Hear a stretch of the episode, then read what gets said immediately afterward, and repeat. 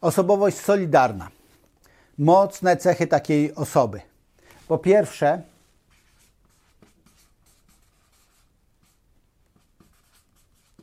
to jest słuchanie. To jest urodzony słuchacz, urodzona słuchaczka. To jest ktoś, z kim możesz rozmawiać godzinami i masz poczucie, wow, już dawno nie spotkałem kogoś, z kim tak dobrze by mi się rozmawiało. I to jest naprawdę coś, co, co warto docenić w takich osobach, że one dają tą przestrzeń, żeby ludzie mogli mówić. Takie osoby często to są tak zwane szare eminencje w zespole, ponieważ przez to, że słuchają ludzi, obserwują, są dobrymi obserwatorami, to lepiej rozumieją mechanizmy, które zachodzą, które często typ dyrektywny widzi tylko cel i nie widzi niuansów. Osobowość e, interaktywna widzi, czy się dobrze bawi. Osobowość celująca widzi te detale, a ta osobowość ogarnia całość i mój brat jest jedną z cech jego osobowości jest właśnie bycie osobą solidarną. Nieraz byłem zdziwiony, że on, nie mając takiej wiedzy, jaką ja mam, też jest młodszy, tak, więc ma czas na jej zdobywanie, potrafił wyciągnąć tak precyzyjne wnioski, tylko, tylko słuchając ludzi. Ok, kolejna rzecz.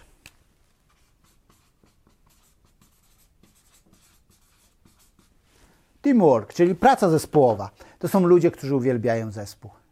Oni nie chcą przewodzić zespołowi. Oni chcą być częścią zespołu. To są ludzie, którzy mają to poczucie, chcę przynależeć. I poczucie przynależności jest bardzo, bardzo istotne dla, dla nich. Tak? To, że on przynależy i że jest częścią, bardzo będzie cenił i bardzo będzie lojalny, tak? solidarny, czyli można powiedzieć lojalny.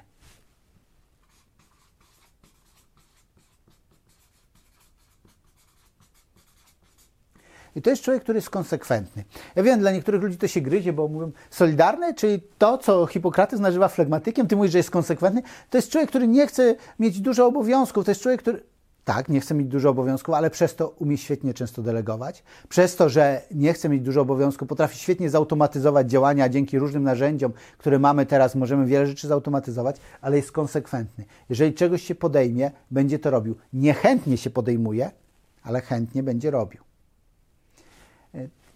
dla rozluźnienia trochę. Kiedyś rozmawiałem z pewnym przedsiębiorcą i on właśnie był typową osobą taką solidarną i opowiadał trochę o problemach w relacji z żoną i okazało się, że językiem żony są prezenty, więc ja powiedziałam, żeby kupił jakiegoś kwiata, tak, kiedy będzie wracał z pracy.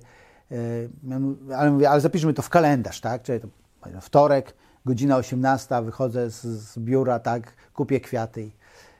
Ponieważ spotykaliśmy się raz w miesiącu, e, to po miesiącu ja pytam, jak z tym kwiatem? On mówi, a wiesz co, na początku było fajnie, takie trochę niedowierzanie, w drugim tygodniu lepiej, ale w trzecim tygodniu żona pyta, ale co, co wtorek będziesz mi kupował kwiata? On mówi, takie zadanie dostałem. Więc konsekwencja. Z jednej strony jest konsekwentny, z drugiej strony musi patrzeć, ponieważ lubi się przyzwyczajać, nie zmieniać rzeczy, czy ta konsekwencja jest mądrą konsekwencją. Ok, ale słuchanie, praca zespołowa i konsekwencja w tym, czego się podejmie, to są ważne cechy. Jakie są słabe strony osobowości solidarnej?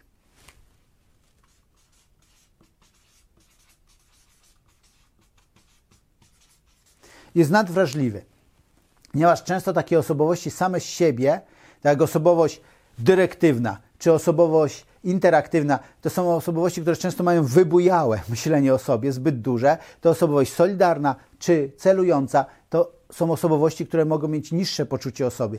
I teraz, jeżeli ktoś powie, często takie, tak, pracujemy na zasadzie przeciwnej, że osoba solidarna pracuje z osobowością dyrektywną, a co ty potrafisz? Co, znowu źle zrobiłeś? I on taki może się czuć, jestem do niczego. Czasem on nie jest do niczego, ale rodzi się z takim poczuciem, i często środowisko tego nie wzmacnia. Zobacz, że większość dowcipów to są dowcipy nie o cholerykach, nie o sangwinikach, nie o melancholikach, ale o flegmatykach, czyli osobowości solidarnej. I to może w nim e, sprawić, że jego potencjał nie będzie wykorzystany przez to, że będzie w niewłaściwy sposób o sobie myślał. Kolejne.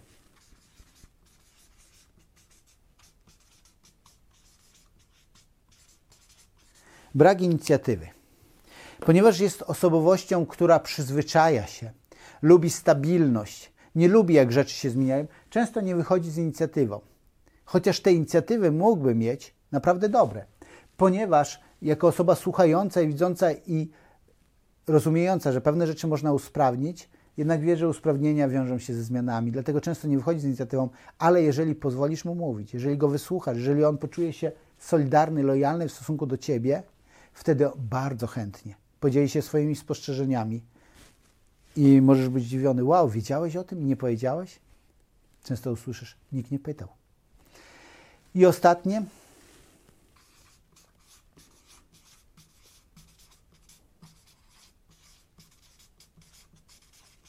odporny na zmiany.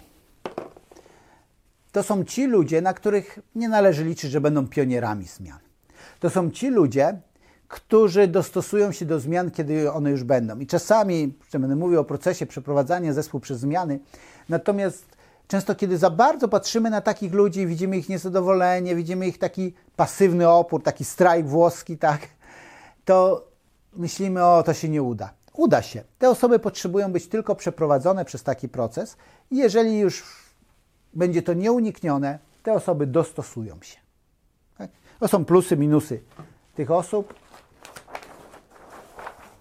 Zarządzanie. W jaki sposób zarządzać tymi ludźmi?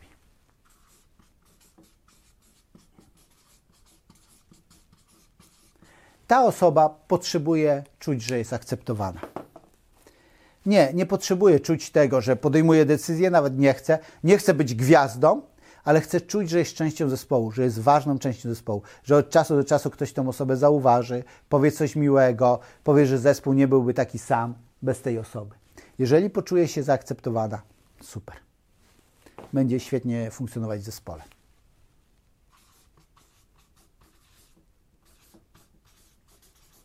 Sprzedaż, altruizm. Wiem, jak to ludzie słyszą, mówią, tak, oczywiście. E, to może kupi dlatego, że powiesz, no wiesz, ja mam żonę, dzieci na utrzymaniu, może być to kupił ode mnie. No wiesz, taka metoda na pieska, biednego, może zadziałać na takie osoby solidarne, jak sama nazwa mówi. Natomiast chodzi mi o coś innego. Te osoby, pokażę to na przykładzie. Kiedyś rozmawialiśmy ze znajomą i ona taka fanka zdrowego żywienia, nie ma nic przeciwko zdrowemu żywieniu, ale taka ekstremalna, powiedziała, taki McDonald's, nie ma tam nic dobrego. A mój brat mówi, jest. A ona mówi, co? Jest fundacja, która wspiera dzieci. I ona mówi, a skąd ty to wiesz? Ponieważ ja generalnie też w fast foodach się nie żywię, ale co jakiś czas przychodzimy tam, bo nasze dzieci lubią tam kupować zabawki. Można tam kupować zabawki bez zestawu, to taki bonus. Kiedyś jeden z moich klientów, kiedy pisał mi opinię, powiedział: Wiesz, cały czas się zastanawiałem, czy nie dopisać jeszcze jednej rzeczy. Ja mówię, czego? Że dzięki tobie moje dzieci mają zabawki z McDonalda i nie muszę już im kupować zestawu. No ale to już tak na marginesie. Natomiast ponieważ co jakiś czas bywam tam mniej więcej raz w miesiącu z dziećmi, nigdy nie zwróciłem uwagi na takie małe puszki, które stoją. Mój brat od razu zwrócił uwagę ponieważ to są ludzie, kiedy sprzedajesz i mówisz 10% tego idzie na posiłki dla biednych dzieci, albo tylko oczywiście, jeżeli to trafi tak, w potrzeby tych ludzi, ponieważ może akurat, no dzieci to większość ludzi jednak jest za tym, żeby pomagać dzieciom, ale jeżeli mówisz, że będziesz ochraniał foki, no to niekoniecznie foki będą do niego przemawiać, tak? Albo ekologia. Bardziej tutaj ludzie, tak? Typu dzieci, e, bezdomni, albo sam, samotnie, matki samotnie wychowujące, tak? Więc jeżeli w sprzedaży pokażesz też, że część tego zysku idzie też na jakieś rzeczy pomocowe, to taki człowiek bardzo chętnie albo chętniej zainteresuje się Twoim produktem. Oczywiście rozumiesz, że to nie jest cała sprzedaż polega na tym, że przede wszystkim pokazujesz produkt, pokazujesz zyski, pokazujesz korzyści, pokazujesz te różne rzeczy, ale to jest coś takiego, co dotyka głęboko emocji takiej osoby.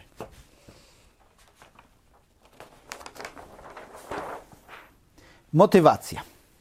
Co motywuje tą osobę? Inni. Gdy trzeba zmotywować tą osobę, to trzeba powiedzieć, zrobimy to w zespole, będziesz częścią zespołu. Nie mówić tak jak do osoby dyrektywnej, ty to zrobisz, albo wiesz, będzie super.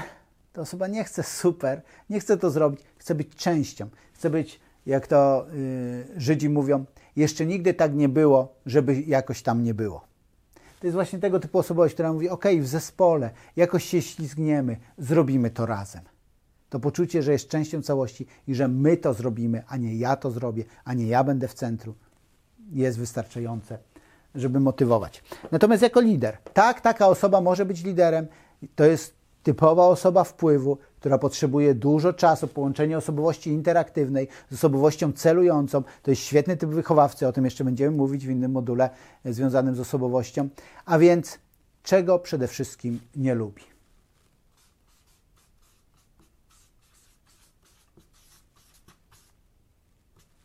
Jako lider nie lubi nieczułości, nie lubi tego, żeby tylko zadaniowo patrzeć, żeby tylko twardo rozliczać, ale żeby też zrozumieć drugą stronę, wysłuchać ją, pokierować się emocjami.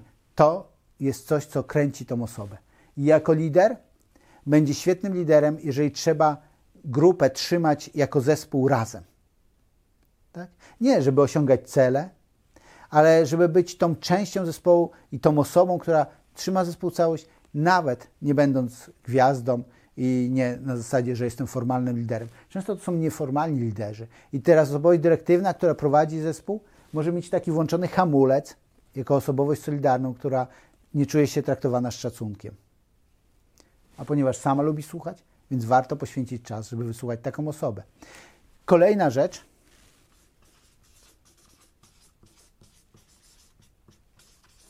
Konsultacje. Jako lider lubi konsultować rzeczy.